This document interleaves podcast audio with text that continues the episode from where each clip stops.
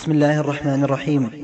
فيسعد إخوانكم في وقف السلام الخيري أن يقدم لكم المحاضرة الثامنة وهي لفضيلة الشيخ الدكتور صالح بن سعد السحيمي عضو هيئة التدريس بالجامعات الإسلامية والتي ألقيت يوم السبت الخامس عشر من محرم وكانت بعنوان منهج أئمة الدعوة في مسائل النبوة والصحبة والولاية. السلام عليكم ورحمة الله وبركاته. الحمد لله الذي نزل الكتاب وهو يتولى الصالحين. تفضل على عباده فأرسل إليهم نبيه محمدا صلى الله عليه وسلم رحمة للعالمين. أزال الله به الغمة وجمع به شتات الأمة. وأشهد أن لا إله إلا الله وحده لا شريك له إله الأولين والآخرين معز المؤمنين وقامع الكافرين والمبتدعين. وأشهد أن نبينا وإمامنا محمدا عبده ورسوله سيد المرسلين وإمام المتقين وقائد الغر المحجلين. اللهم صل وسلم وبارك عليه وعلى آله وأصحابه الغر الميامين أعلام الهدى ومصابيح الدجى.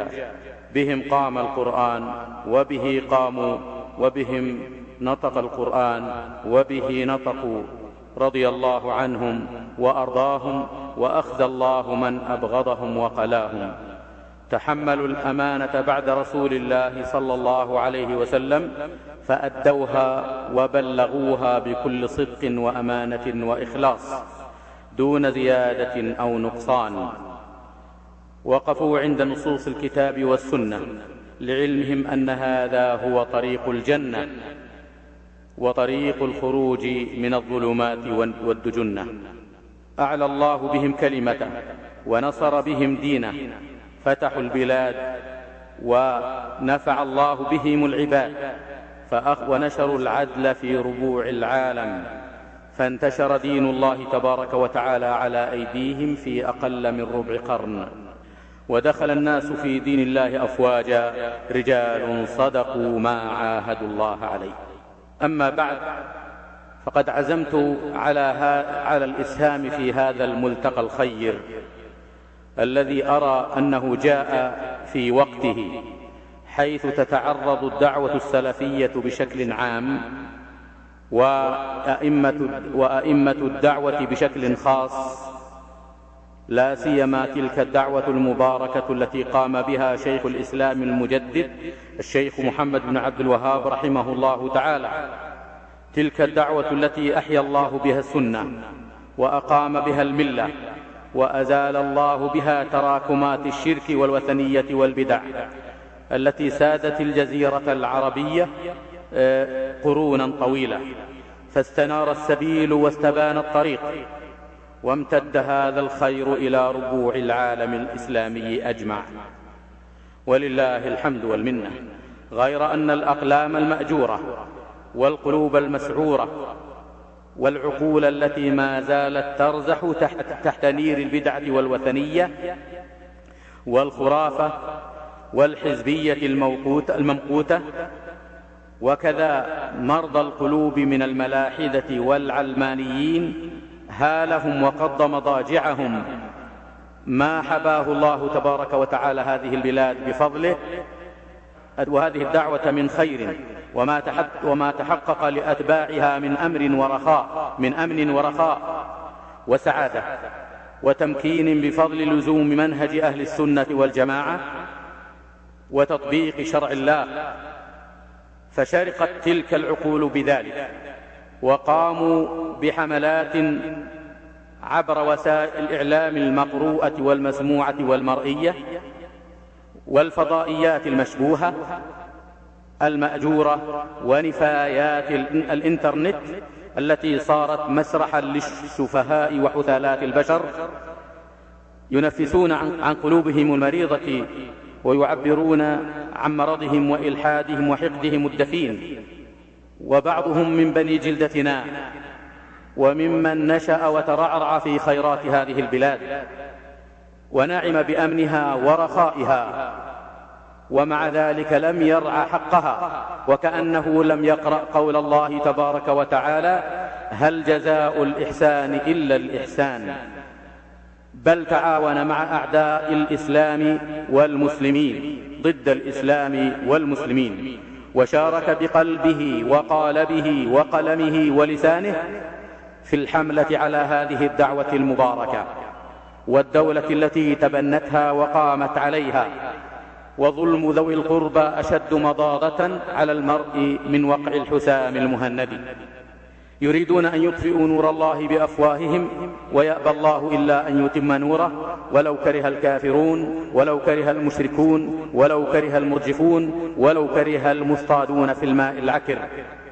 فالناعق ينعق والقافلة تسير بإذن الله. على الرغم من حقد الحاقدين وحسد الحاسدين. وقد اخترت للإسهام في هذا الملتقى المبارك إن شاء الله منهج أئمة الدعوة رحمهم الله في مسائل النبوة والصحبة والولاية. لأهمية هذه الأمور الثلاثة فإبراز جهود أئمة الدعوة في هذه الموضوعات يدحض شبه المبطلين وينفي تحريف الغالين ويرد تأويل الجاهلين فقد ألصقت بعض التهم من ضعاف الإيمان. والمبتدعين والقبوريين وأهل الأهواء. كدعوى بعض بعضهم أن الشيخ محمد بن عبد الوهاب رحمه الله تعالى كان يضمر دعوى النبوة لكنه لم يتمكن من إعلان ذلك. ودعوى البعض أن هؤلاء الأئمة لا يحبون النبي صلى الله عليه وسلم لكونهم لا يقيمون الموالد والبعض يرون أو يزعمون أنهم ينكرون كرامات الأولياء. ولا يحبونهم ونحو ذلك من المقالات الباطلة والحملات المغرضة التي يقصد من ورائها تشويه هذه الدعوة المباركة. لكن الحق يعلو ولا يعلى. والإسلام يعلو ولا يعلى. وقبل أن أورد كلام أئمة السلف المستمد من كتاب من الكتاب والسنة على منهج الصحابة والتابعين ومن تبعهم بإحسان. آه، أذكر لمحة موجزة وأعرف فيها بالنبوة والولاية والصحبة ومنهج السلف الصالح القدامى من ذلك. فأقول مستمدا العون من الله تعالى. أولا النبوة مشتقة من النبأ وهو الخبر العظيم. قال الله تعالى عن النبأ العظيم وقال تعالى فلما نبأت به قالت من أنبأك هذا؟ قال نبأني العليم الخبير. وأما معناه عند أهل السنة فهي صفاء من الله تعالى واختيار منه لعبد من عباده لتبليغ رسالته يصطفيه من بين سائر البشر يختصه برحمته ويصطفيه بفضله. وقد ميزه بصفات اختصه بها لم تكن موجودة فيه قبل ذلك لم تكن وقد تكون هناك إرهاصات قبل ذلك. من أجل من أجل أن يهيئه لحمل هذه الأمانة العظيمة التي أكرمه الله بها وهي الوحي.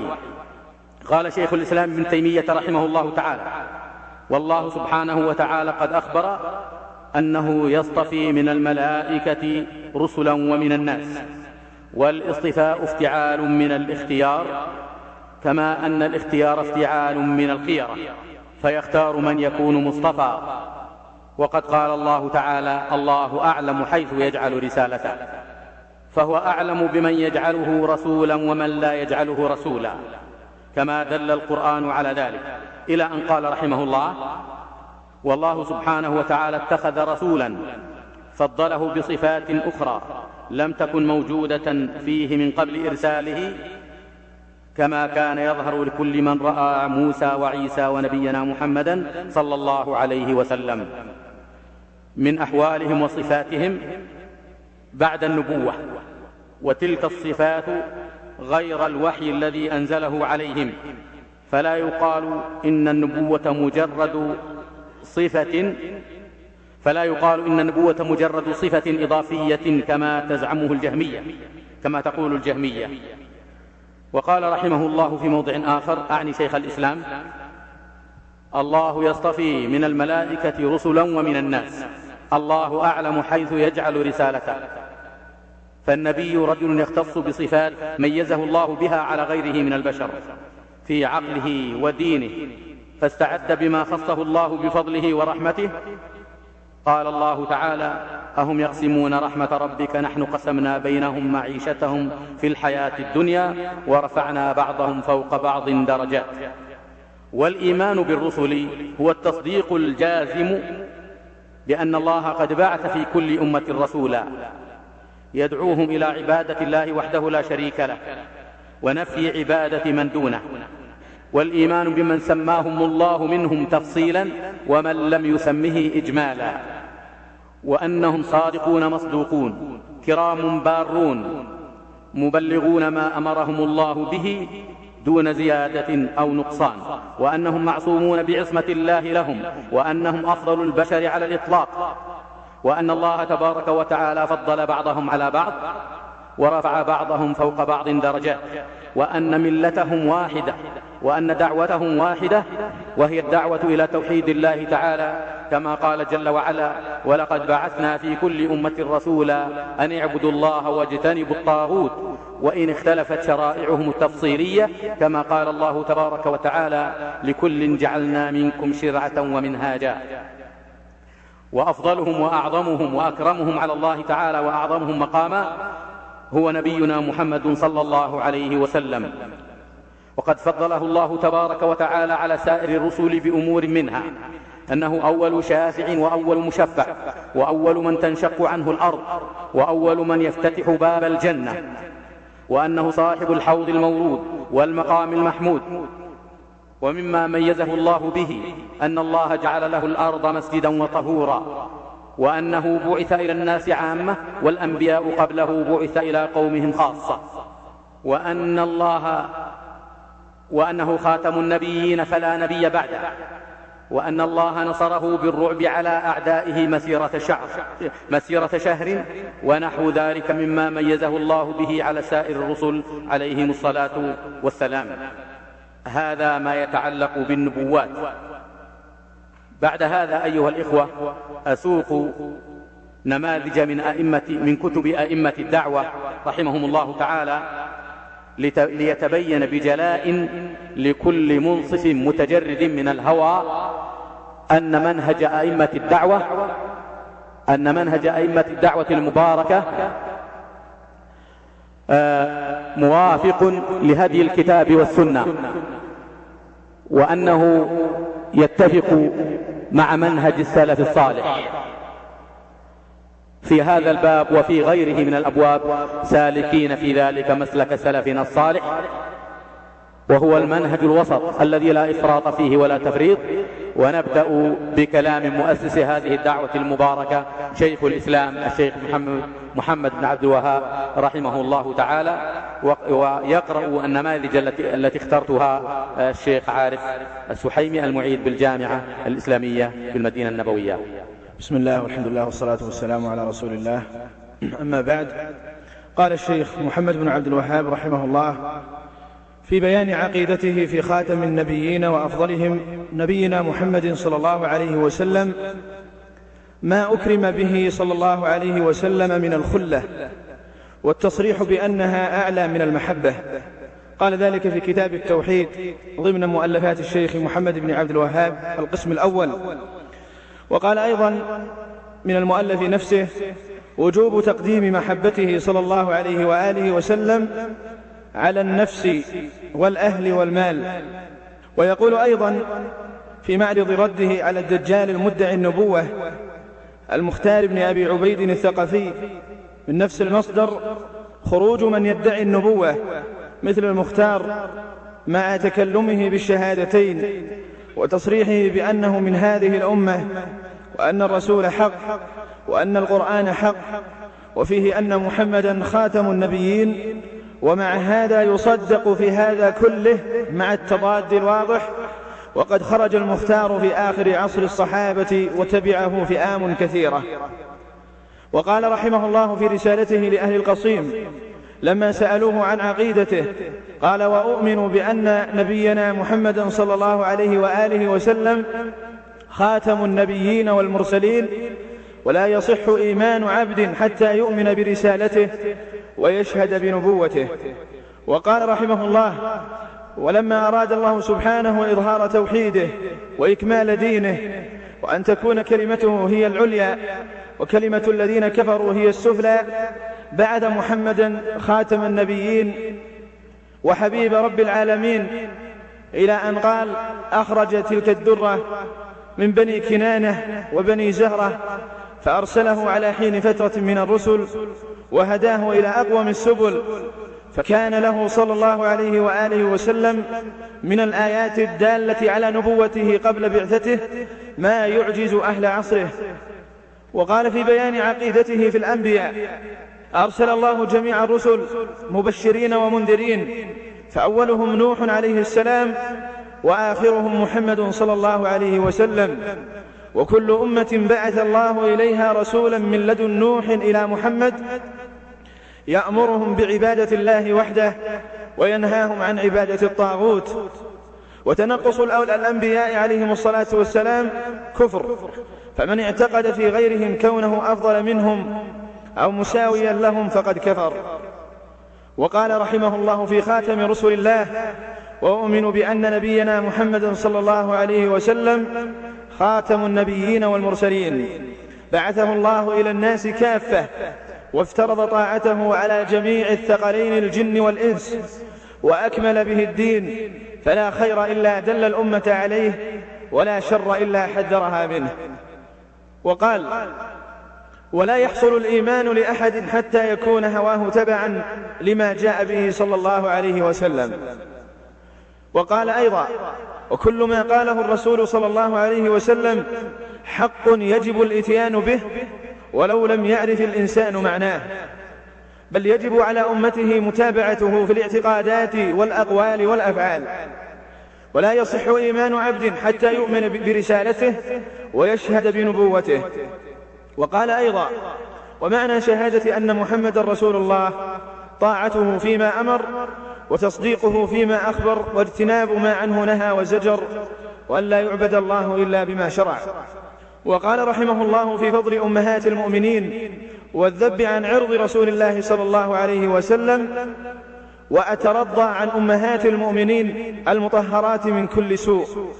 ومن قذف أم المؤمنين عائشة رضي الله عنها بالفاحشة مع اعتقاد أنها زوجة رسول الله صلى الله عليه وسلم وأنها بقيت في عصمته بعد هذه الفاحشة فقد جاء بكذب ظاهر واكتسب الإثم واستحق العذاب وظن بالمؤمنين سوءا وهو كاذب وأتى بأمر ظنه هينا وهو عند الله عظيم واتهم أهل بيت النبوة بالسوء ومن هذا الاتهام يلزم تنقص النبي صلى الله عليه وآله وسلم. ومن تنقصه فكأنما تنقص الله ومن تنقص الله ورسوله فقد كفر وهو بفعله هذا خارج عن أهل الإيمان ومتبع لخطوات الشيطان وملعون في الدنيا والآخرة ومكذب لله في قوله تعالى الطيبات للطيبين. الآية ومن كذب الله فقد كفر. ومن قذفها مع زعمه أنها لم تكن زوجته أو لم تبق في عصمته بعد هذه الفاحشة فإن قلنا إنه ثبت قطعا أنها هي المرادة بهذه الآيات وهو الظاهر يلزم من قذفها ما تقدم من القبائح.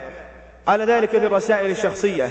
والحاصل أن قذفها كيفما يوجب تكذيب لله تعالى في إخباره عن تبرئتها عما يقول القاذف فيها ومن يقذف الطاهرة الطيبة أم المؤمنين زوجة رسول رب العالمين في الدنيا والآخرة كما صح عنه فهو من ضرب عبد الله بن أبي سلول. رأس المنافقين.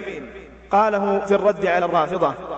وبعد أن ذكرت بعض أقوال الإمام الشيخ محمد بن عبد الوهاب رحمه الله في الثناء على الأنبياء واعتقاده أنهم أفضل البشر وأن النبي صلى الله عليه وسلم هو خاتمهم وأفضلهم والتحذير من تنقص الأنبياء أو النيل منهم. يورد بعد ذلك نقولا عن, عن الأئمة من أبناء الشيخ وأحفاده وتلاميذه في هذه المسألة أعني مسألة النبوة والنبوات. قال الشيخ سليمان ابن عبد الله ابن محمد بن عبد الوهاب رحمه الله في كتابه تيسير العزيز الحميد قوله وإنه سيكون في أمتي كذابون ثلاثون كلهم يزعم أنه نبي. قال القرطبي وقد جاء عددهم معينا في حديث حذيفة.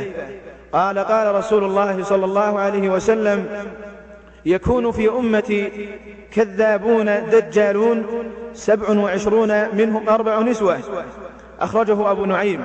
وقال هذا حديث غريب تفرد به معاوية بن هشام قلت حديث ثوبان أصح من هذا.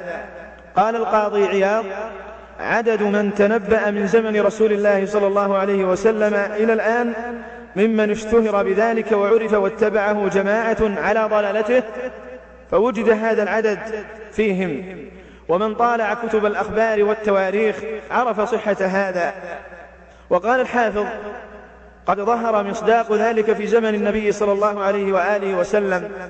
فخرج مسيلمة الكذاب باليمامة والأسود العنسي باليمن ثم خرج في خلافة أبي بكر طليحة بن خويلد في بني أسد بن خزيمة وسجاح التميمية في بني تميم وقتل الأسود قبل أن يموت النبي صلى الله عليه وسلم وقتل مسيلمة الكذاب في خلافة أبي بكر رضي الله عنه وتاب طليحة ومات على الإسلام على الصحيح في زمن عمر رضي الله عنه. ويقال إن سجاح تابت أيضا. ثم خرج المختار بن أبي عبيد الثقفي وغلب على الكوفة في أول خلافة ابن الزبير فأظهر محبة أهل البيت ودعا الناس إلى طلب قتلة الحسين فأتبعهم فقتل كثيرا ممن باشر ذلك أو أعان عليه فأحبه الناس ثم إنه زين له الشيطان أن يدعي النبوة أن جبريل عليه السلام يأتيه ومنهم الحارث الكذاب. خرج في خلافة عبد الملك بن مروان فقتل. وخرج في خلافة بني العباس جماعة. وليس المراد بالحديث من ادعى النبوة مطلقا فإنهم لا يحصون كثرة. وقال الشيخ عبد الرحمن بن حسن بن محمد بن عبد الوهاب رحمه الله في فتح المجيد. ثم خرج المختار بن أبي عبيد الثقفي وغلب على الكوفة في أول خلافة الزبير. وأظهر محبة أهل البيت ودعا الناس إلى طلب قتلة الحسين فتتبعهم فقتل كثيرا ممن باشر ذلك وأعان عليه فأحبه الناس ثم ادعى النبوة وزعم أن جبريل عليه السلام يأتيه وجاء في مصباح الأنام في الرد على من كذب على الشيخ الإمام أن من أحب الإسلام والتزمه واتبعه ولكن جوز نبوة مسيلمة أو غيره ممن يدعي النبوة يكفر بذلك. ولا ينجيه ما معه من الإسلام والمتابعة. وهكذا ولاة القدرية ونحوهم ممن له تعبد ومتابعة في كثير من الأركان والشعب. فإن قيل إنما كفر من جوز نبوة مسيلمة أو غيره لرده الكتاب والسنة والإجماع أو إنما كفر من جوز نبوة مسيلمة أو غيره لرده الكتاب والسنة والإجماع. قيل وكذلك من كره دخول الناس في التوحيد وأحب بقاءهم على الشرك فقد خالف الكتاب والسنة والإجماع. وقال الشيخ سليمان بن سحمان في كتابه الأسنة الحداد في الرد على العلوي الحداد والجواب أن يقال لهذا الملحد المفتري. هذا من أبطل الباطل وأمحل المحال وبطلانه من وجوه. أنه زعم أنه يضمر دعوى النبوة وهذا أمر قلبي لا يطلع عليه إلا الله. فكيف ساغ له أن يدعي علم ما في القلوب مما لا يطلع عليه إلا علام الغيوب؟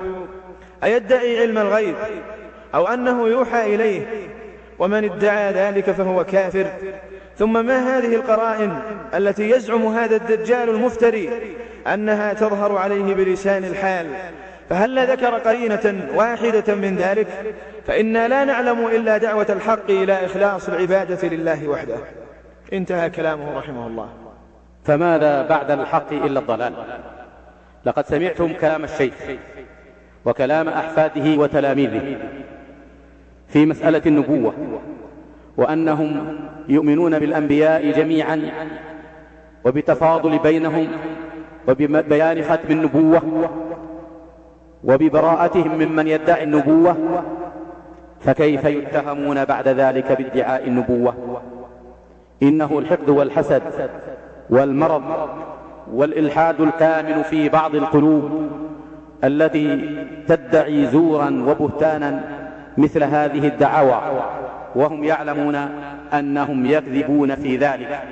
كما قال عمرو بن العاص لمسيلمة كما قال عمرو بن العاص رضي الله عنه لمسيلمة الكذاب والله إني أعلم أنك تعلم أنك كاذب. فهم يعلمون كذب أنفسهم ويعلمون أنهم مفترون في هذه الدعاوى.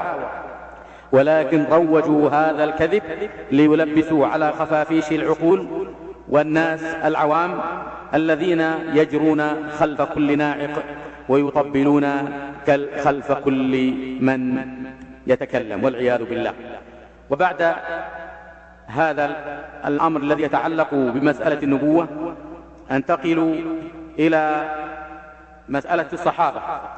فأبين فضلهم وما جاء عن السلف فيهم ثم أتبع ذلك بكلام الأئمة رحمهم الله تعالى.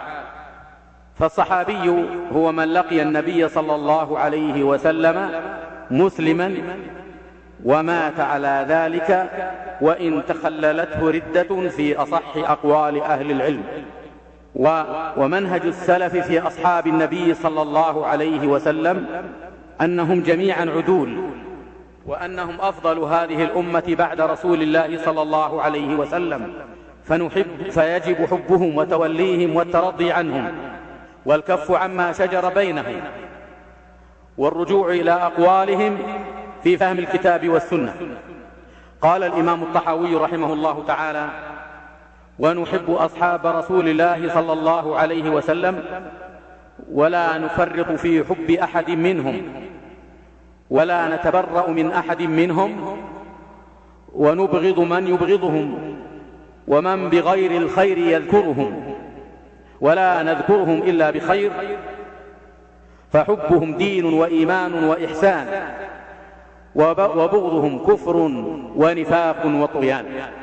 وقد أثنى الله سبحانه وتعالى على الصحابة الكرام بما هم له أهل ورضي عنهم. وأمر باقتفاء آثارهم والسير على نهجهم. قال الله عز وجل والسابقون الأولون من المهاجرين والأنصار والذين اتبعوهم بإحسان رضي الله عنهم ورضوا عنه وأعد لهم جنات تجري تحتها الأنهار خالدين فيها أبدا. ذلك الفوز العظيم. وقال تبارك وتعالى محمد رسول الله والذين معه أشداء على الكفار رحماء بينهم. وقال تبارك وتعالى لقد رضي الله عن المؤمنين إذ يبايعونك تحت الشجرة. وقال تبارك وتعالى إن الذين آمنوا وهاجروا وجاهدوا بأموالهم وأنفسهم في سبيل الله والذين آووا ونصروا أولئك بعضهم أولياء بعض إلى آخر, إلى آخر الآيات في سورة الأنفال.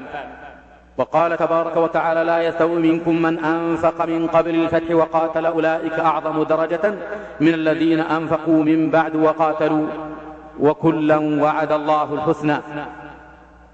والله بما تعملون خبير. وقال تبارك وتعالى للفقراء المهاجرين الذين أخرجوا من ديارهم وأموالهم يبتغون فضلا من الله ورضوانا وينصرون الله ورسوله أولئك هم الصادقون والذين تبوأوا الدار والإيمان من قبلهم يحبون من هاجر إليهم ولا يجدون في صدورهم حاجة مما أوتوا ويؤثرون على أنفسهم ولو كان بهم خصاصة.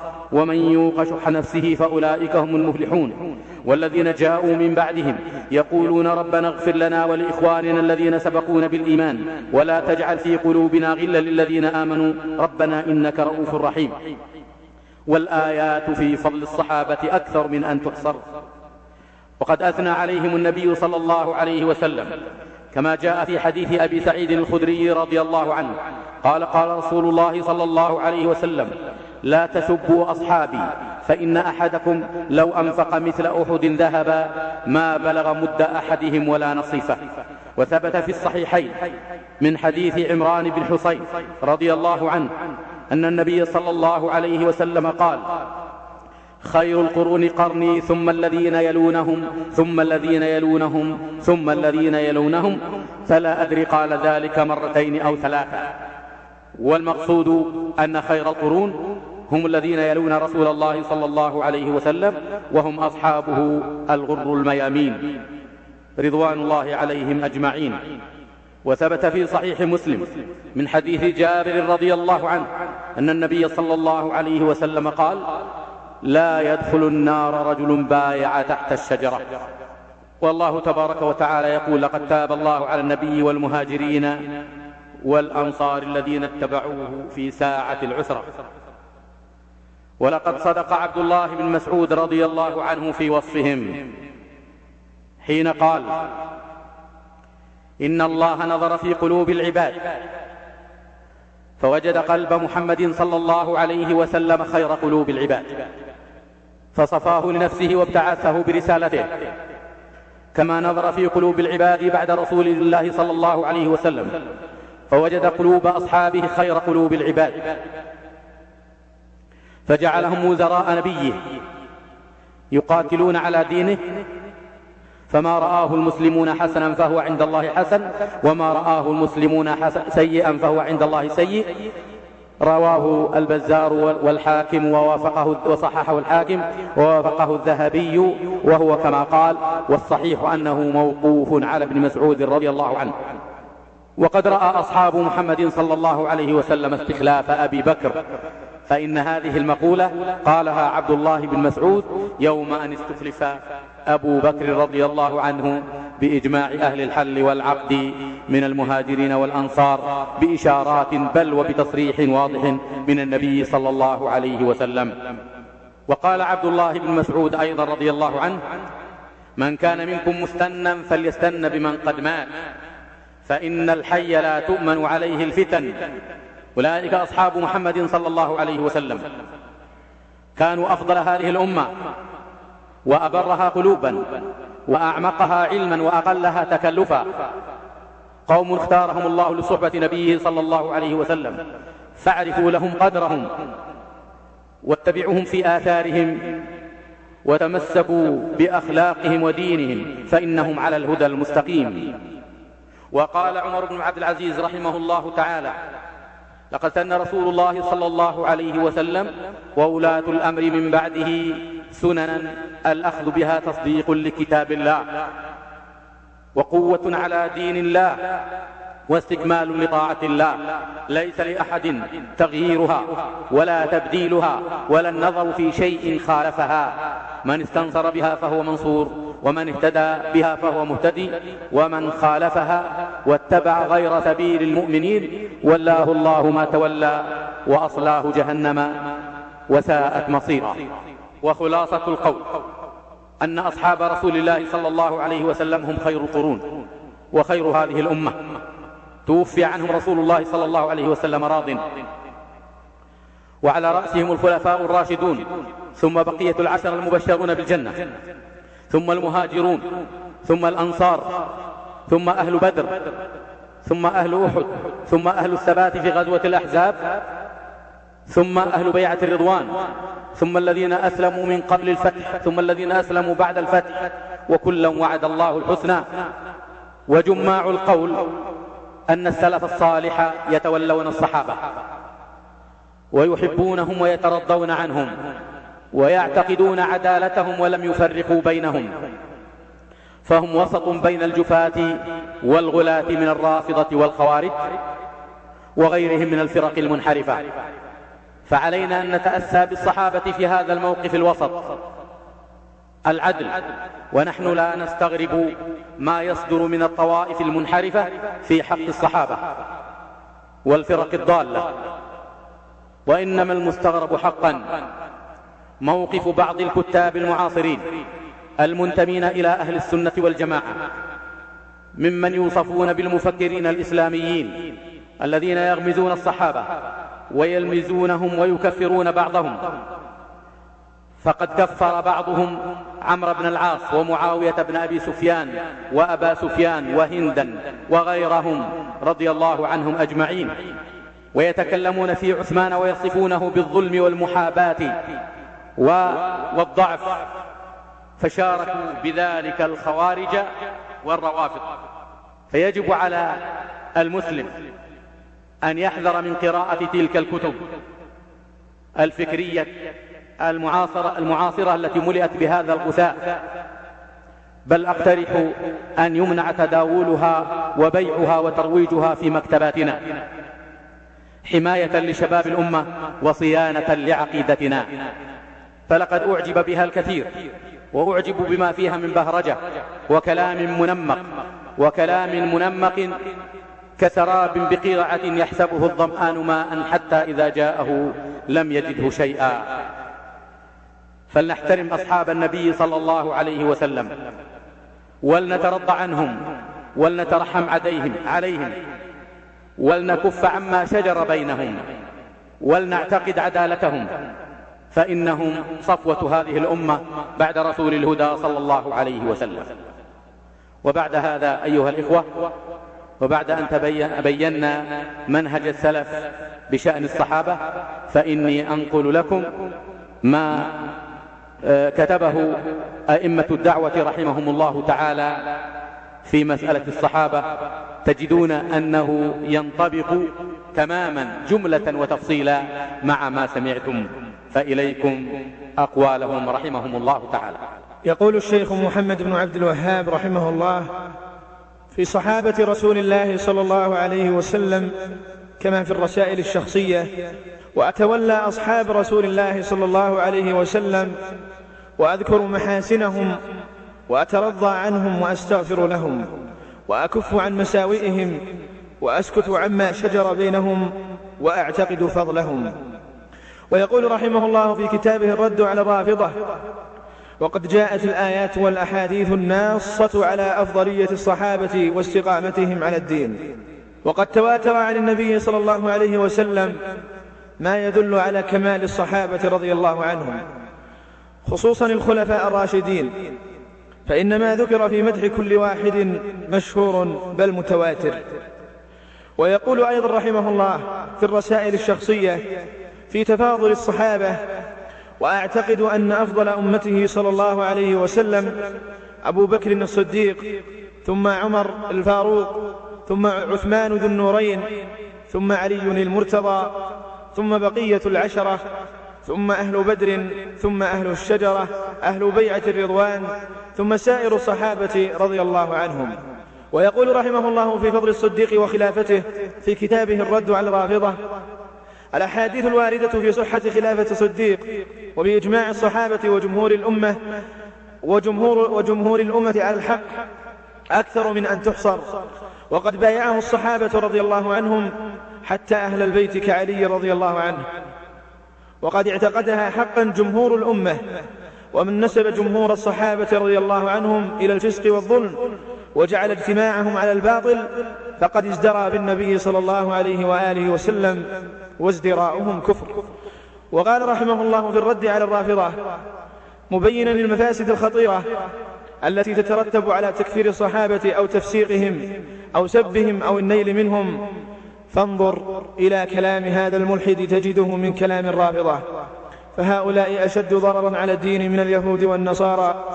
وفي هذه الهفوة الفساد من وجوه فإنها توجب إبطال الدين والشك فيه وتجوز كتمان ما عرض به القرآن وتجوز تغيير القرآن وتخالف قوله تعالى رضي الله عنهم ورضوا عنه وقوله في من آمن قبل الفتح أو بعده وكلا وعد الله الحسنى وقوله في حق المهاجرين والأنصار أولئك هم الصادقون وأولئك هم المفلحون وقوله وكذلك جعلناكم أمة وسطا لتكونوا شهداء على الناس.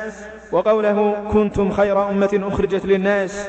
وغير ذلك من الآيات والأحاديث الناصة على أفضلية الصحابة واستقامتهم على الدين.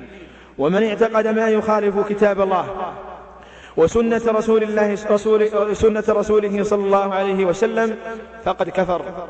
ويقول الشيخ محمد بن عبد الوهاب رحمه الله في حق أحد الأشراف في, في, الرسائل الشخصية ضمن مؤلفات شيخ الإمام مبينا خطأ الذين أنكروا هذا الحق.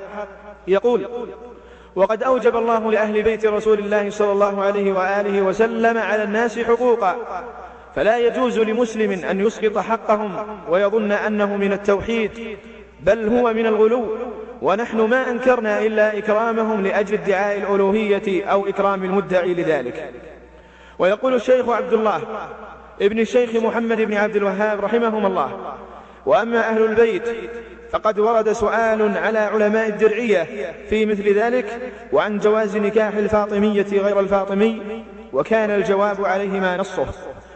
أهل البيت رضوان الله عليهم لا شك في طلب حبهم ومودتهم لما ورد فيه من كتاب وسنة فيجب حبهم ومودتهم إلا أن الإسلام ساوى بين الخلق فلا فضل لأحد إلا بالتقوى. ولهم مع ذلك التوقير والتكريم والإجلال ولسائر العلماء مثل ذلك كالجلوس في صدور المجالس والبداءة بهم في التكريم والتقديم في الطريق إلى موضع التكريم ونحو ذلك. إذا تقارب أحدهم مع غيره في السن والعلم. وقد قيل ذلك في الدور السنية. وقال الشيخ عبد الرحمن بن حسن بن محمد بن عبد الوهاب رحمه الله في كتابه فتح المجيد وهذه هي الخصيصة التي اختص بها الصحابة عن سائر الأمة وهي أعلى درجات العلماء. قال تعالى قل هذه سبيلي أدعو إلى الله على بصيرة أنا ومن اتبعني أي أنا وأتباعي على بصيرة. وقيل من اتبعني عطف على المرفوع في أدعو أي أنا أدعو إلى الله على بصيرة ومن اتبعني كذلك يدعو إلى الله تعالى على بصيرة. وعلى القولين فالآية تدل على أن أتباعه هم أهل البصائر الداعون إلى الله تعالى. ومن ليس منهم فليس من أتباعه على الحقيقة والموافقة وإن كان من أتباعه على الانتساب والدعوة وقال أيضا رحمه الله في نفس المصدر وفيه حرص الصحابة على الخير واهتمامهم به وعلو مرتبتهم في العلم والإيمان. ويقول أيضا في فتح المجيد قوله ولو كنت متخذا خليلا لاتخذت أبا بكر خليلا فيه بيان أن الصديق أفضل الصحابة وفيه الرد على الرافضة وعلى الجهمية وهما شر أهل البدع. وقال أيضا في فتح المجيد ولو كان دعاء الميت خيرا لكان الصحابة إليه أسبق وعليه أحرص وبه أليق وبحقه أعلم وأقوم. فمن تمسك بكتاب الله نجا ومن تركه واعتمد على عقله هلك. بعد أن أوردت نماذج من أقوال أئمة الدعوة رحمهم الله تعالى بشأن الصحابة الأمر الذي يدل على موافقتهم جملة وتفصيلا لمنهج السلف الصالح في هذا المقام وغيره. أنتقل إلى مسألة الولاية والمقصود بالولاية المحبة والنصرة وكذلك تطلق على القرابة. قال الله تعالى ادفع بالتي هي أحسن فإذا الذي بينك وبينه عداوة كأنه ولي حميم. وقد تطلق الولاية على الإمارة وعلى الولاية في النكاح وعلى ولاية الصبي والمجنون والسفيه ونحو ذلك. والولاية والولاية بالفتح المؤازرة والمناصرة. قال الله تبارك وتعالى والمؤمنون والمؤمنات بعضهم أولياء بعض يأمرون بالمعروف وينهون عن المنكر. وقال وتطلق ويراد بها الإيمان فهي مرادفة له. كما قال الله عز وجل هنالك الولاية لله الحق هو خير ثوابا وخير عقبا. فالمؤمنون هم أولياء الله عز وجل والكفار أولياء الشيطان ووليهم الشيطان وهو وليهم. قال الله تبارك وتعالى الله ولي الذين آمنوا يخرجهم من الظلمات إلى النور والذين كفروا أولياءهم الطاغوت يخرجونهم من النور إلى الظلمات. وقال تبارك وتعالى ذلك بأن الله مولى الذين آمنوا وأن الكافرين لا مولى لهم. وقال تبارك وتعالى إن الذين آمنوا وهاجروا وجاهدوا بأموالهم وأنفسهم في سبيل الله أولئك بعضهم أولياء بعض إلى آخر السورة. وقال تعالى إنما وليكم الله ورسوله والذين آمنوا الذين يقيمون الصلاة ويؤتون الزكاة وهم راكعون ومن يتولى الله ورسوله والذين آمنوا فإن حزب الله هم الغالبون. هذه الآيات ثبتت فيها موالاة المؤمنين بعضهم بعضا. وأن الله وليهم وهم أولياؤه وأن الله وليهم ومولاهم يتولى عباده المؤمنين يحبهم ويحبونه ويرضى عنهم ويرضون عنه. والولاية ليست حكرا على أحد من البشر بسبب رياضة أو سلوك معين. بل المؤمنون, بل المؤمنون كلهم أولياء لله على اختلاف مراتبهم والمعيار في ذلك تقوى الله عز وجل والاستقامة على طاعته. ولا تختص بواحد بعينه من المؤمنين كما تزعم بعض الطوائف المنحرفة عن الجادة أو يظن بعضهم أن الولي هو من يعطى بعض الخوارق.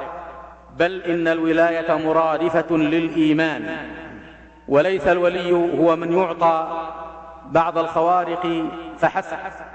بل إن الإيمان مرادفة بل إن الولاية مرادفة للإيمان أو الولاية مرادفة للإيمان. تزيد بالطاعة وتنقص بالمعصية. قال الله تعالى مبينا صفات الأولياء ألا إن أولياء الله لا خوف عليهم ولا هم يحزنون. الذين آمنوا وكانوا يتقون لهم البشرى في الحياة الدنيا وفي الآخرة. ففي الآية دليل على صفات الأولياء. وهم المؤمنون المتقون المبادرون بالطاعات من أداء الفرائض والنوافل التي هي أحب الأعمال إلى الله تبارك وتعالى والتي تكون سببا لمحبة الله لهم ومحبتهم لله. فهم أصفياؤه وأولياؤه يحفظهم ويرعاهم ويكلأهم. يدل لهذا المعنى ما رواه الإمام البخاري رحمه الله تعالى عن أبي هريرة رضي الله عنه. قال سمعت رسول الله صلى الله عليه وسلم يقول يقول الله تعالى من عادى لي وليا فقد بارزني بالمحاربة وما تقرب إلي عبدي بشيء أحب إلي مما افترضته عليه ولا يزال عبدي يتقرب إلي بالنوافل حتى أحبه فإذا أحببته كنت سمعه الذي يسمع به وبصره الذي يبصر به ويده التي يبطش بها ورجله التي يمشي بها ولئن سألني لأعطينه ولئن استعاذني لأعيذنه. وبما أن الولاية مرادفة للإيمان وأن الإيمان يزيد بالطاعة وينقص بالمعصية فقد قسم الله الأولياء إلى ثلاثة أقسام كما جاء في سورة فاطر قال تعالى ثم أورثنا الكتاب الذين اصطفينا من عبادنا فمنهم ظالم لنفسه ومنهم مقتصد ومنهم سابق بالخيرات بإذن الله ذلك هو الفضل الكبير. فأعلى درجات الأولياء هم السابقون بالخيرات وهم المحسنون الملتزمون بالأوامر والمتزودون من التطوعات والمبتعدون عن المحرمات والمكروهات المراقبون لله تبارك وتعالى في كل لحظة من لحظات حياتهم الذين ينالون معية الله تبارك وتعالى كما قال جل وعلا إن الله مع الذين اتقوا. أعني المعية الخاصة. إن الله مع الذين اتقوا والذين هم محسنون. الإحسان الذي وصفه النبي صلى الله عليه وسلم بقوله في حديث جبريل الطويل أن تعبد الله كأنك تراه فإن لم تكن تراه فإنه يراك. والمقتصدون هم الذين يقتصرون على الفرائض واجتناب المحرمات. و ولم يتزودوا من كثير من الطعام. وأصحاب هاتين المرتبتين أعني, المقت... أعني السابقين بالخيرات والمقتصدين يدخلون الجنة ابتداء فضلا من الله ومنا وأما الظالم لنفسه فإنه تحت مشيئة الله تبارك وتعالى إن شاء غفر له بفضله وإن شاء عذبه بعدله ولا يظلم ربك أحدا. لكن إن عذبه فإنه لا يخلده في النار. والمقصود هو من مات ومعه أصل الإيمان. إذ أنه قد نقصت آه، ولايته وإيمانه بقدر تقصيره, بقدر تقصيره في جنب الله تعالى. والرسل والأنبياء هم أفضل أولياء, الله تبارك وتعالى. ونبي واحد أفضل من جميع الأولياء خلافا لما زعمته طائفة الاتحادية وغلاة المتصوفة والباطنية. من أن من أن الأولياء أفضل من الأنبياء. بل إن الخلق جميعا مطالبون بمتابعة الرسل. ولا يسع أحدا الخروج, الخروج عن طاعتهم. قال الله تعالى وما أرسلنا من رسول إلا ليطاع بإذن الله. ولو أنهم إذ ظلموا أنفسهم جاءوك فاستغفروا الله واستغفر لهم الرسول لوجدوا الله توابا رحيما. وقال تعالى قل إن كنتم تحبون الله فاتبعوني يحبكم الله ويغفر لكم ذنوبكم والله غفور رحيم. قال أبو عثمان النيسابوري من أقر السنة على نفسه قولا وفعلا نطق بالحكمة ومن أقر الهوى على نفسه نطق بالبدعة. وبعض الأفاكين من الاتحادية وغلاة الباطنية والمتصوفة يزعمون أو يزعم أحدهم أنه يصل برئاسته وبعض ما يمارسه من عبادة مبتدعة وبعض الرياضة أنه قد يصل إلى ما لم يصل إليه الأنبياء من غير اتباع لطريقتهم. ومنهم من يظن أنه قد صار أفضل من الأنبياء. ومنهم من يقول إن الأنبياء والرسل إنما يأخذون من مشكاة خاتم الأولياء. ويدعي لنفسه أنه خاتم الأولياء. وزعيم الاتحادية ابن عربي لما رأى أن الشرع ظاهر لا سبيل إلى تحريفه قال إن النبوة قد ختمت قال إن النبوة قد ختمت ولكن الولاية لم تختم. وأنها أعظم من النبوة. ويدعي أن الأنبياء والمرسلين مستفيدون من الولاية من الأولياء. كما قال في بيته الكفري مقام الرسالة في برزخ فويق النبي ودون الولي. ونحو ذلك من الأبيات الإلحادية فهذا قلب للشريعة. ومعلوم لدى كل مؤمن أن النبوة أخص, أخص من الولاية. وأن الرسالة أخص من النبوة وأن الولاية تشمل جميع المؤمنين وعلى رأسهم الأنبياء عليهم الصلاة والسلام.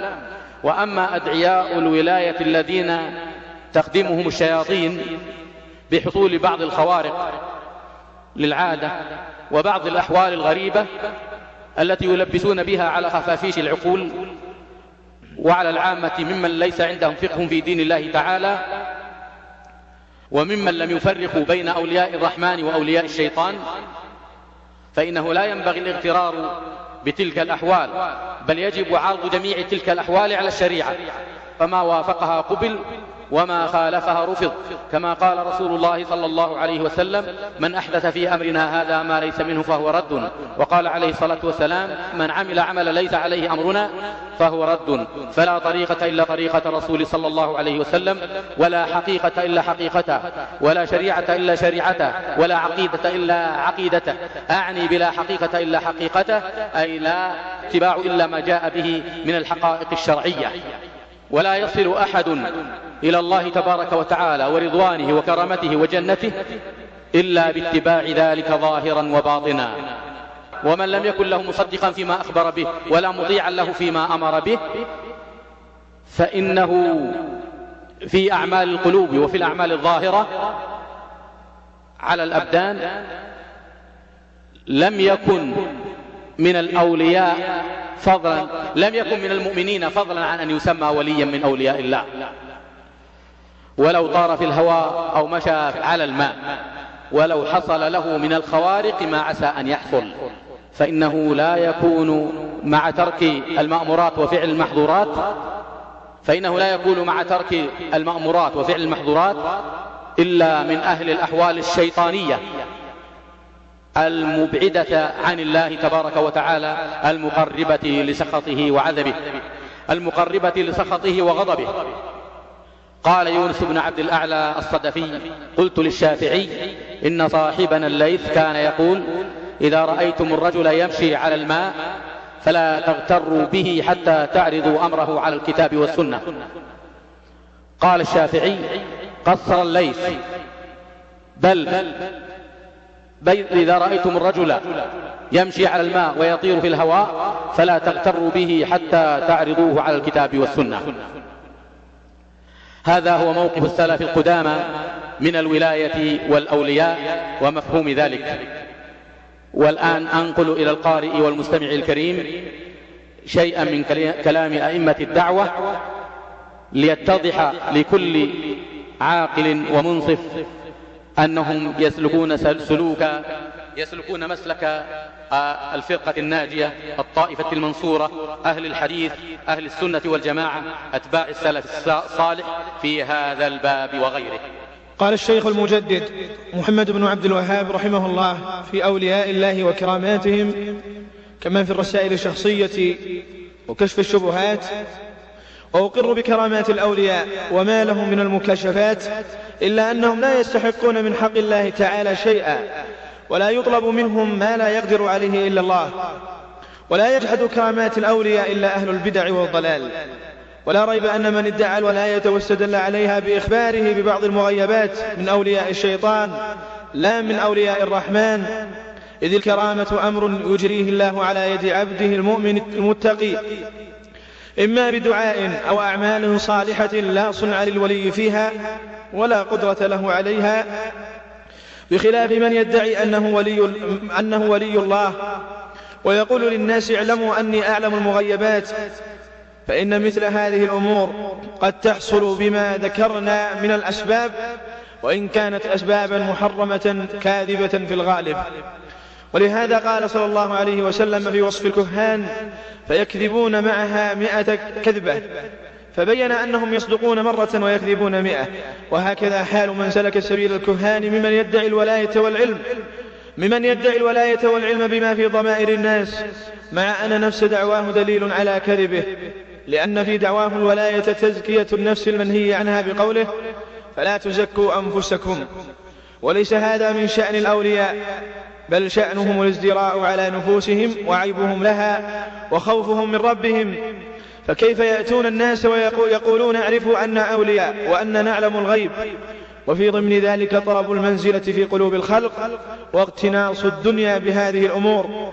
وحسبك بحال الصحابة والتابعين. وهم سادات الأولياء. أفكان عندهم من هذه الدعاوى والشطحات شيء؟ لا والله.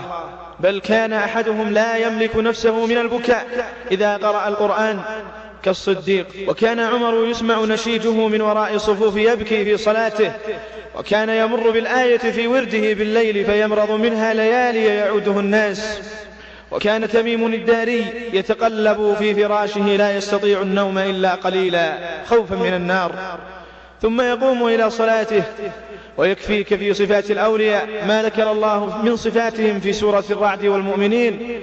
والفرقان والذاريات والطور. فالمتصفون بتلك الصفات هم الأولياء الأصفياء لا أهل الدعوى والكذب ومنازعة رب العالمين فيما اختص به أو فيما اختص به من الكبرياء والعظمة وعلم الغيب بل مجرد دعواه علم الغيب كفر. فكيف يكون المدعي لذلك وليا؟ ولقد عظم الضرر واشتد الخرب بهؤلاء المفترين الذين ورثوا هذه العلوم عن المشركين ولبسوا بها على خفاف على خفافيش البصائر. نسأل الله السلامة والعافية في الدنيا والآخرة. وقال الشيخ سليمان بن عبد الله كما في التيسير وأما عباد القبور فلا إله إلا الله كم ذا بينهم وبين المشركين من التفاوت العظيم في الشرك. فإنهم إذا أصابتهم الشدائد برا وبحرا أخلصوا لآلهتهم وأوثانهم التي يدعونها من دون الله وأكثرهم قد اتخذ ذكر الله آلهة قد اتخذ ذكر الله آل إلهه وشيخ وشيخه ديدنه وهجراه. إن قام وإن قعد وإن عثر يقول يا علي وهذا يقول يا عبد القادر وهذا يقول يا ابن علوان وهذا يدعو البدوي وهذا يدعو العيدروس. وبالجملة ففي كل بلد في الغالب أناس يدعونهم ويسألونهم قضاء الحاجات وتفريج كربات بل بلغ الأمر إلى أن سألوهم مغفرة الذنوب وترجيح الميزان ودخول الجنة والنجاة من النار والتثبيت عند الموت والسؤال وغير ذلك من أنواع المطالب التي لا تطلب إلا من الله. وقد يسألون ذلك من أناس يدعون الولاية وينصبون أنفسهم لهذه الأمور وغيرها. وغيرها من أنواع النفع والضر التي هي خواص الإلهية. ويلفقون لهم من الأكاذيب في ذلك عجائب. منها أنهم يدعون أنهم يخلصون من التجأ إليهم ولاذ بحماهم من النار والعذاب. فيقول أحدهم إنه يقف عند النار, عند النار فلا يدع أحدا ممن يرتجيه ويدعوه يدخلها أو نحو هذا. وقال أيضا في كما في التيسير. وأصل الولاية المحبة والقرب. وأصل العداوة البغض والبعد. وبالجملة فأولياء الله هم أحبابه المتقربون إليه بالفرائض والنوافل وترك المحارم والموحدون له الذين لا يشركون بالله شيئا. وإن لم تجري على أيديهم خوارق فإن كانت الخوارق دليلا على ولاية الله فلتكن دليلا على ولاية الساحر والكاهن والمنجم والمتفرس ورهبان اليهود والنصارى وعباد الأصنام فإنهم يجري لهم من الخوارق ألوف ولكن هي من, قبيل من قبل الشيطان أو الشياطين فإنهم يتنزلون عليهم لمجانستهم لهم في الأفعال والأقوال. كما قال تعالى قل هل أنبئكم على من تنزل الشياطين؟ تنزل على كل أفاك أثيم. وقال تعالى ومن يعش عن ذكر الرحمن نقيض له شيطانا فهو له قرين. وقد طارت الشياطين ببعض من ينتسب إلى الولاية فقال فقال لا إله إلا الله فسقط.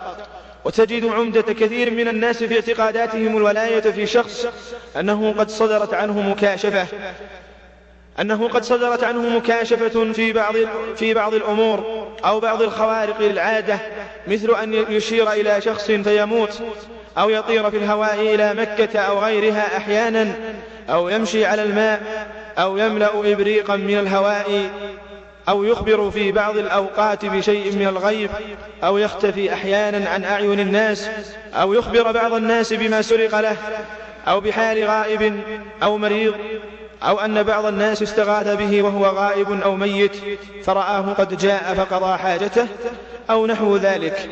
وليس في شيء من هذه الأمور. ما يدل على أن صاحبها مسلم. فضلا عن أن يكون وليا لله. بل قد اتفق أولياء الله.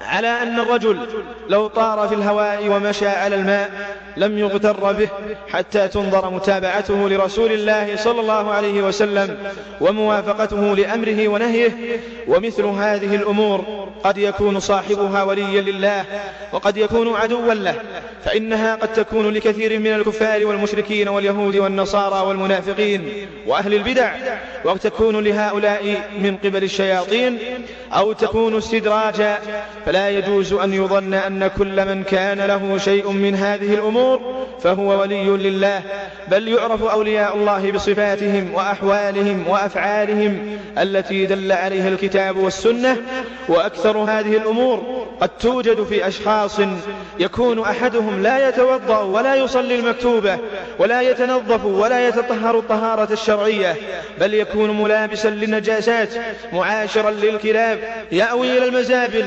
رائحته خبيثة. ركابا للفواحش. يمشي في الأسواق كاشفا لعورته. غامزا للشرع مستهزئا به به وبحملته. يأكل العقارب والخبائث التي التي تحبها الشياطين. كافرا بالله. ساجدا لغير الله من القبور وغيرها.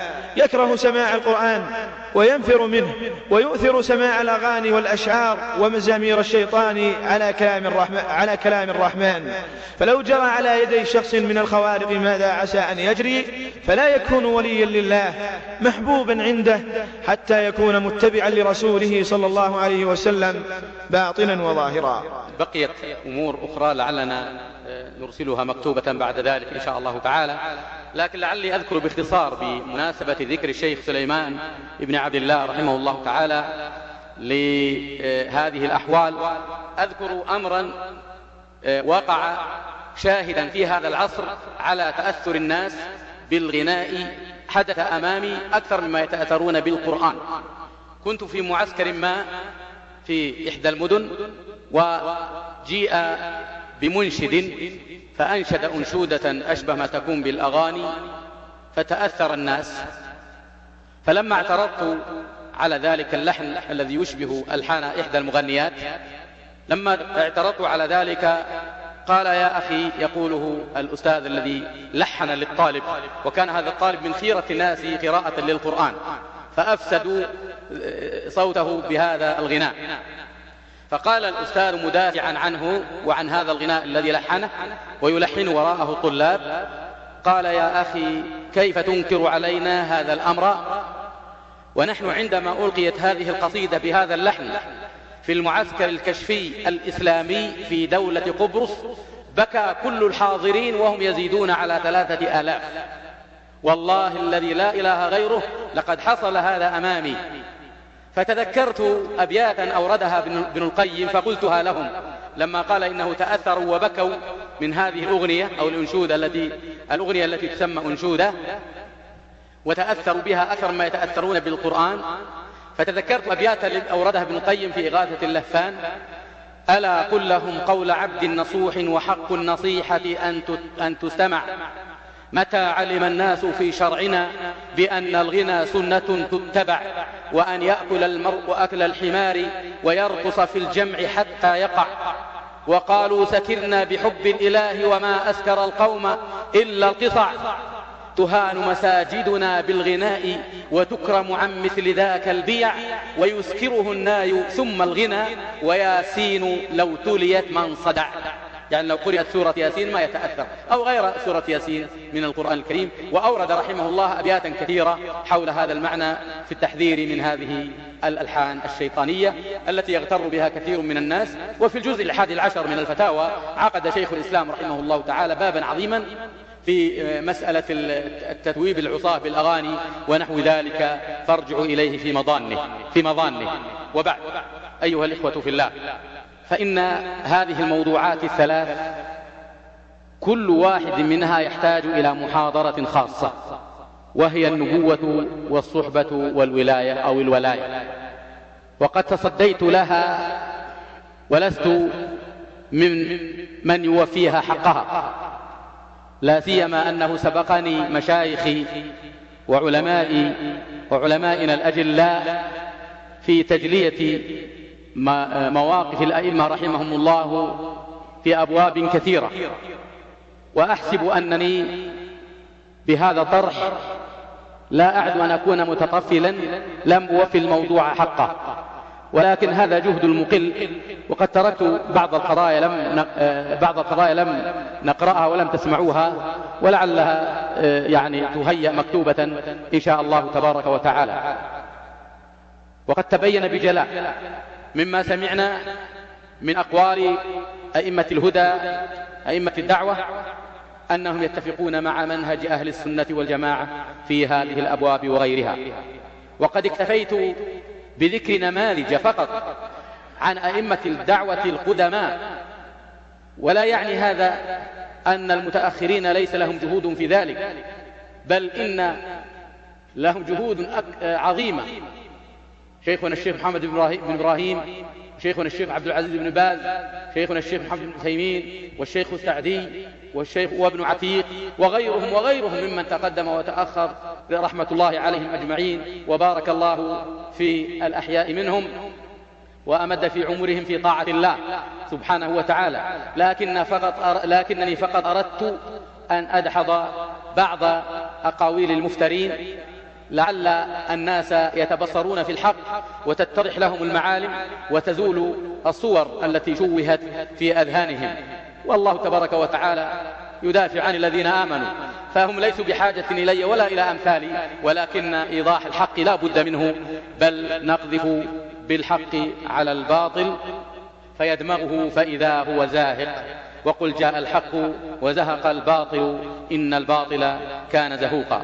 أسأل الله الكريم رب العرش العظيم بأسمائه الحسنى وصفاته العلى أن يتغمد أئمة دعوة وسلفنا الصالح قبلهم وبعدهم بمغفرته ورضوانه وأن يسكنهم فسيح جناته وأن يجزيهم خير الجزاء جزاء ما قدموا للإسلام والمسلمين من خير وأن يجمعنا وإياكم وإياهم في دار الكرامة في جنات النعيم. وأن يجزي الإخوة الذين رتبوا هذا الملتقى الذي المبارك الذي نسأل الله أن ينفع به وبما قيل فيه أن يجزيهم خير الجزاء وأن يجعل ما يقدمون في ميزان حسناتهم وأن يوفق المسؤولين وولاة أمورنا وفقهم الله وعلى رأسهم خادم الحرمين الشريفين وسمو ولي عهده وسمو النائب الثاني وسائر المسؤولين وأن يجزيهم عنا خير الجزاء وأن يجزيهم عن الإسلام والمسلمين خير الجزاء وأن يعينهم وأن يسددهم وأن يرزقهم البطانة الصالحة التي تدلهم على الخير وتعينهم عليه بعد عون الله سبحانه وتعالى. كما نسأله تبارك وتعالى أن يبصر المسلمين في دينهم وأن يردهم إلى دينهم ردا جميلا وأن يجمع كلمة المسلمين على الحق وأن يخزي أعداء المسلمين المعلنين منهم والمسرين وأن يأخذهم أخذ عزيز مقتدر وأن يرينا فيهم عجائب قدرته وأن يخزيهم وأن يحصيهم عددا ويقتلهم بددا ولا يغادر منهم أحدا. نسأل الله أن يهدي ضال المسلمين وأن يجمع كلمة المسلمين على الحق وآخر دعوانا أن الحمد لله رب العالمين. صلى الله وسلم وبارك على نبينا محمد وعلى آله وأصحابه أجمعين. بسم الله الرحمن الرحيم. الحمد لله رب العالمين. صلى الله وسلم وبارك على نبينا محمد وعلى آله وأصحابه أجمعين. الحقيقة كنت أرغب الاعتذار لأن مشايخنا أجدر منا في الإجابة على الأسئلة بالذات. ولكن نزلنا عند رغبة بعض الإخوة نجيب على ما يتيسر ومما له علاقة بالمحاضرة. قبل هذا لعل بعض الناس فهم البارحة من محاضرة شيخنا حفظه الله فضيلة الشيخ أحمد النجمي جزاه الله عنا خيرا الذي استمتعنا, استمتعنا بمحاضرته الليلة الماضية. كأن بعض الناس فهم خطأ لما تكلم عن التوسل أنه حكم على التوسل, على التوسل بالجاه أو الحق أو بحق فلان أو بجاه فلان أن هذا شرك. ولا إخال أن الشيخ يقصد ذلك بل لم يقله وإنما عانى بالشرك الشق الثاني. عانى به الشق الثاني من أنواع التوسل. لأن المشركين سواء سواء فيه من قدامى أم الموجودون الآن كلهم يسمون دعاء القبور والاستغاثة بها يسمونه ماذا؟ توسلا. من هنا حصل سوء الفهم من بعض الإخوة الذين اتصلوا علينا. فالشيخ حفظه الله يقصد بالذي هو شرك أكبر الدعاء والاستغاثة والنداء. هذا هو لأن عباد القبور الموجودين المعاصرين يسمون هذا النوع توسلا وقد حصل لنا نقاش مع بعض كثير يقول أنتم بالغتم سميتموه شرك شرك وهو التوسل. ما الفرق بين من يسمي الذبح والنذر والاستغاثة ودعاء القبور ونداء أهلها من دون الله عز وجل. أغثني يا فلان. شللة يا فلان. شللة أنا أترجمها لكم. شللة في بعض اللغات. اللهجات أي شيء أعطنا شيئا لله يا فلان. أعطنا شيئا لله يا فلان. نظرة. حتى إني أسمع في بعض البلاد العربية ولا أسمي من إذا مر أو مرت المرأة نظرة يا فلانة. نظرة. مجرد نظرة. تطلب منه ماذا؟ نظرة. تطلب ميت في قبره نظرة ينظر بها إليه. نعم. والله عز وجل يقول والذين تدعون من دون الله ما يملكون من قطمير. إن تدعوهم لا يسمعوا دعاءكم ولو سمعوا ما استجابوا لكم ويوم القيامة يكفرون بشرككم ولا ينبئك مثل خبير.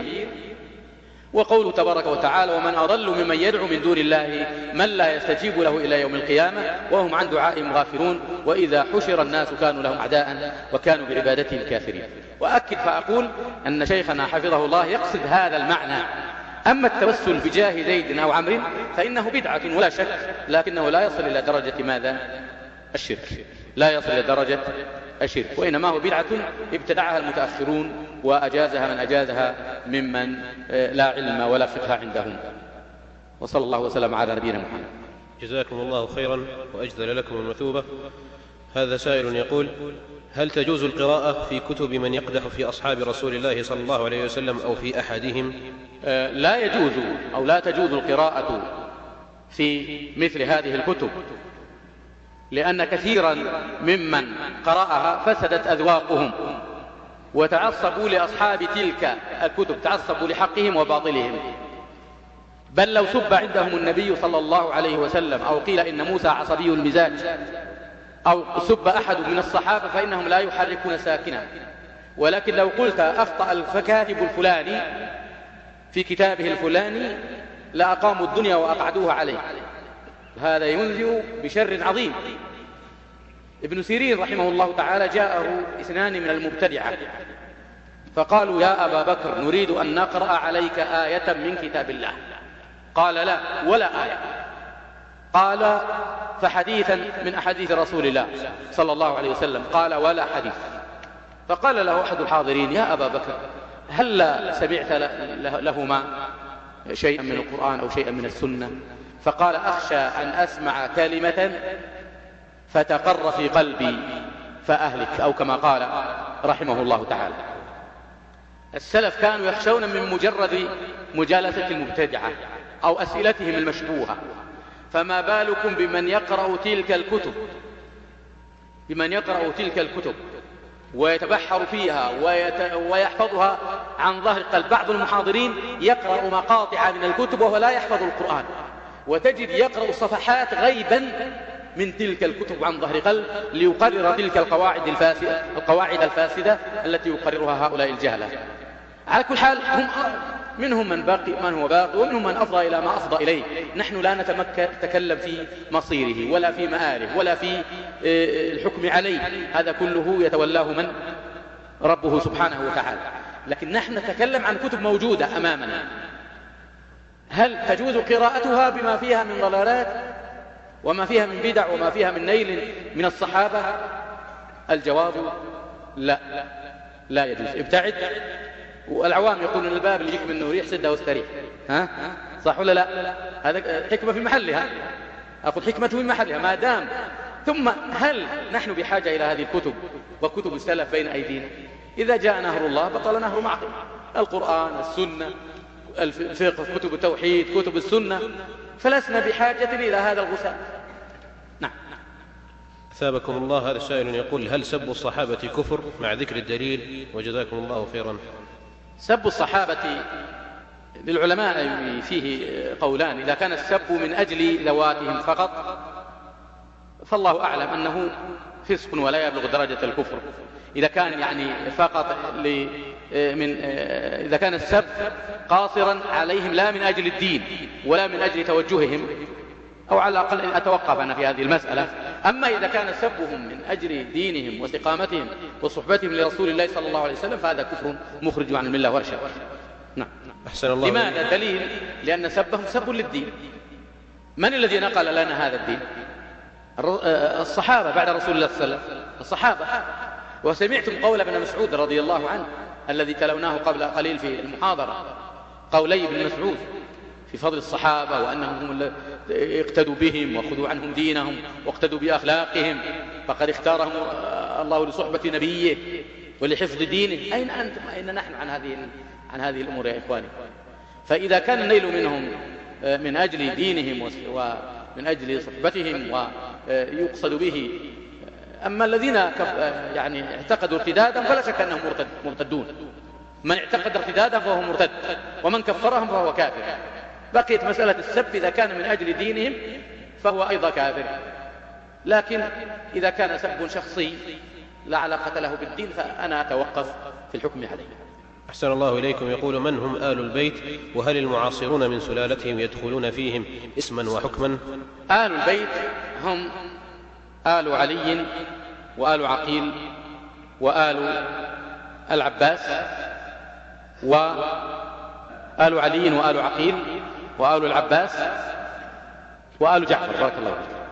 وكذلك ينضم إليهم على الصحيح من أقوال أهل العلم أزواج النبي صلى الله عليه وسلم لأن الله سماهن أهل البيت في أهل البيت في محكم التنزيل في سورة الأحزاب.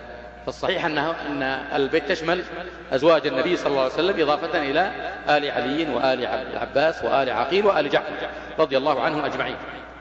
ولكن الموضوع يحتاج إلى شيء من التفصيل فنحن نحب من كان منهم على السنة. نفضله ونكرمه وله حق خاص. طبعا ليسوا بأفضل من أبي بكر وعمر وعثمان رضي الله عنهم. لكن آه، يفضلون بقية الصحابة فيما يبدو والله أعلم بالنسبة للصحابة منهم. وأما غير الصحابة منهم أعني من آل البيت فالأمر يرجع إلى استقامتهم, استقامتهم على دين الله. فمن كان منهم مستقيما على السنة مطبقا لها موحدا لله عز وجل بعيدا عن البدع والمعاصي والخرافات فإنه ولا شك يقدر ويحترم ويبجل ويقدم في صدور المجالس. كما سمعتم من كلام الشيخ محمد بن عبد الوهاب رحمه الله. يعني إذا تساوى مع غيره قدم هو في المجلس. أعني الذي هو من آل البيت حتى ولو كان من المتأخرين الذين يثبت نسبهم إلى آل البيت.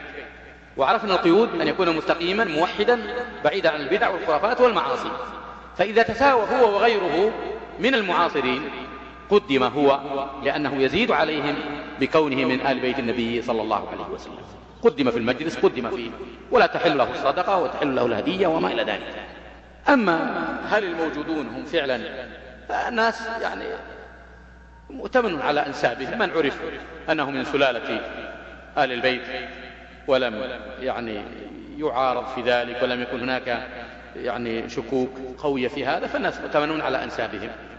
لا سيما كما قلت المستقيمين منهم فنحن نأخذهم على يعني نأتمنهم على أنسابهم ونحترمهم ما داموا مستقيمين على شرع الله سبحانه وتعالى.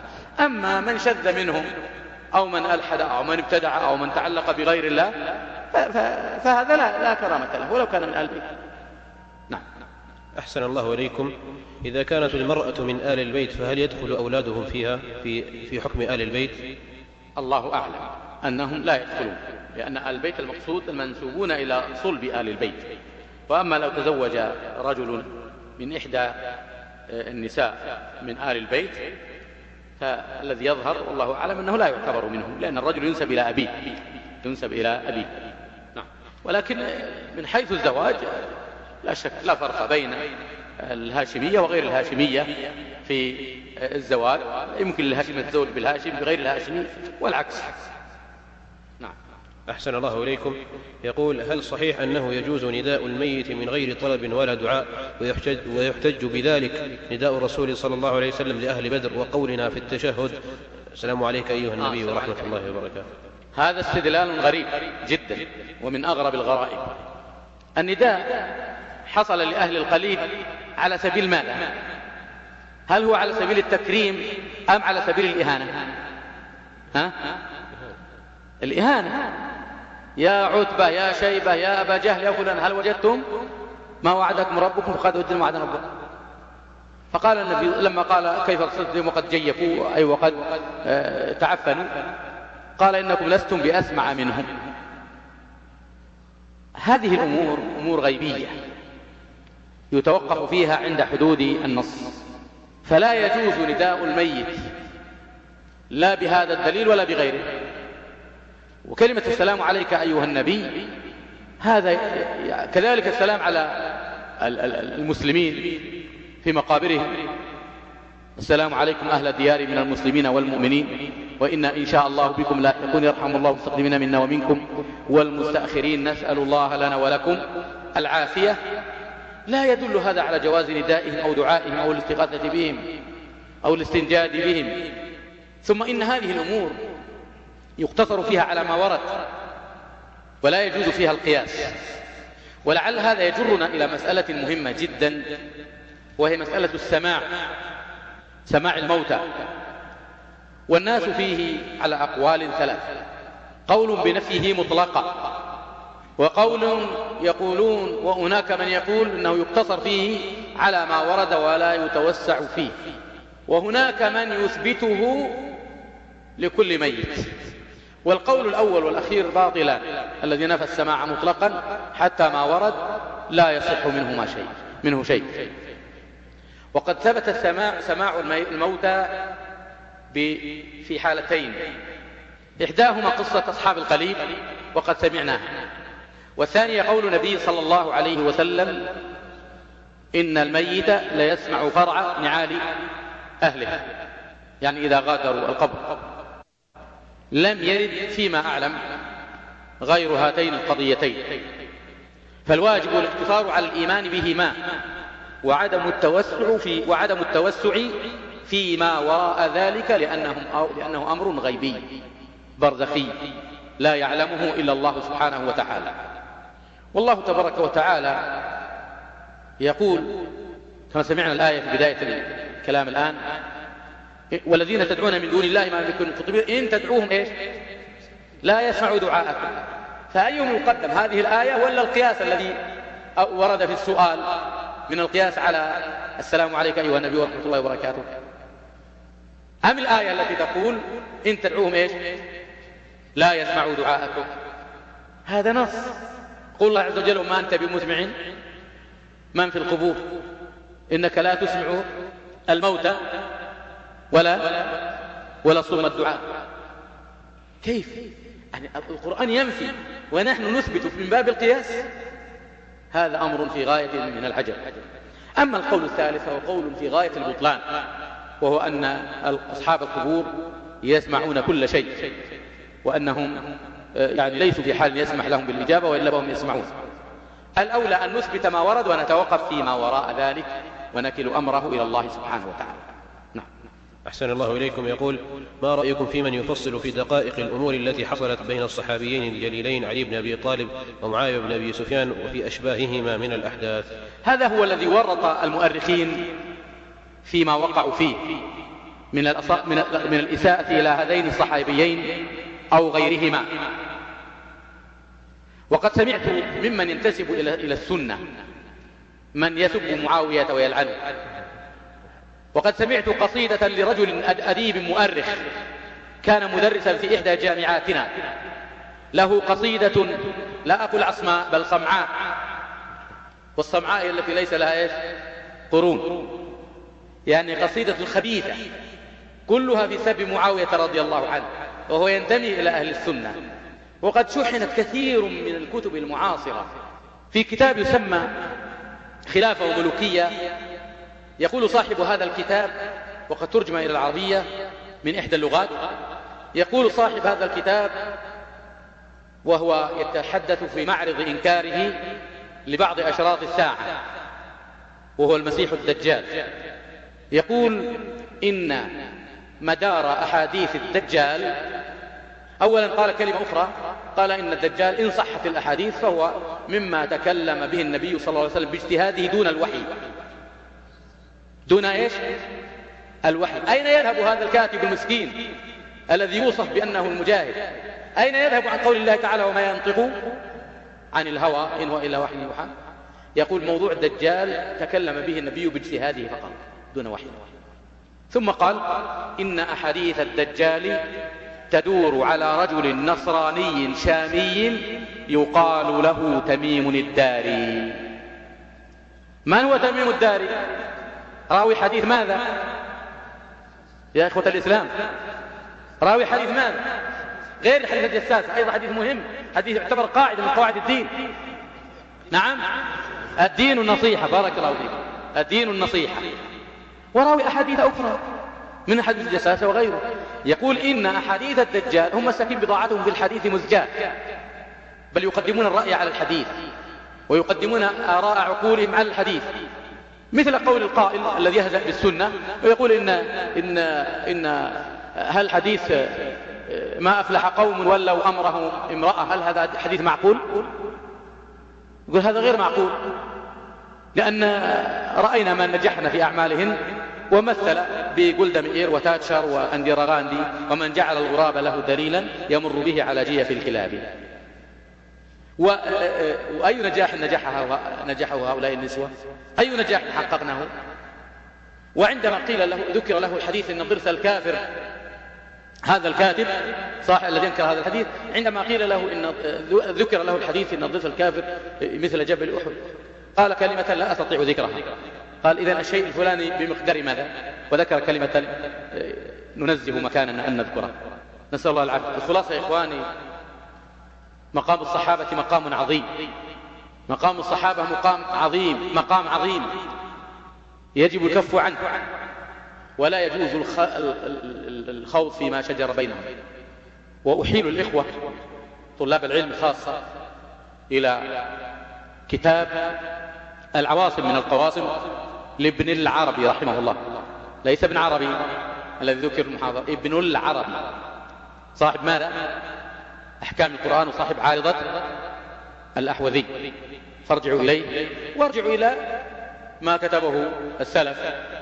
الإمام أحمد عبد الله بن الإمام أحمد البرهاري الخلال ابن أبي عاصم آه، ابن مندة آه، الأبواب التي في كتب السنة وعلى رأس صحيح البخاري وصحيح مسلم وكتب السنة الأربع والموطأ والمسانيد والمعاجم وغيرها وغيرها. ارجع إليها تجدون ما يتعلق بفضل الصحابة. ولذلك يقول عمر بن عبد العزيز رحمه الله تعالى أولئك قوم لما سئل عما جرى بين علي ومعاوية رضي الله عنهما آه، أولئك قوم طهر الله ماذا؟ سيوفنا من دمائهم أو أيدينا من دمائهم فلنطهر ماذا؟ ألسنتنا من أعراضهم. هناك كتاب جميل هو أصله محاضرة لفضيلة شيخنا الشيخ عبد المحسن العباد البدر. حفظه الله تعالى عن أمير المؤمنين معاوية رضي الله عنه. فارجعوا إليه. نعم. أحسن الله إليكم. هناك البعض من يحتج بمعركة الجمل على جواز قتال المسلم لأخيه المسلم فما قولكم؟ هذا الاحتجاج باطل لأن تلك فتنة أثارها أعداء الإسلام وتزعمها عبد الله بن سبأ اليهود المجوسي ثم اليهودي. فحصلت فتن حيث ألبوا أولا على قتل عثمان حتى استشهد ثم أخذوا يطالبون بدم عثمان. فحدث ما حدث. وكلما أرادوا أن يطفئوا المعركة أثيرت من جديد. ولا يدرون كيف بدأت ومن أين بدأت ومن الذي بدأ. لذلك يجب الكف عن هذا وهذا الاحتجاج احتجاج في غاية البطلان. فهم معذورون.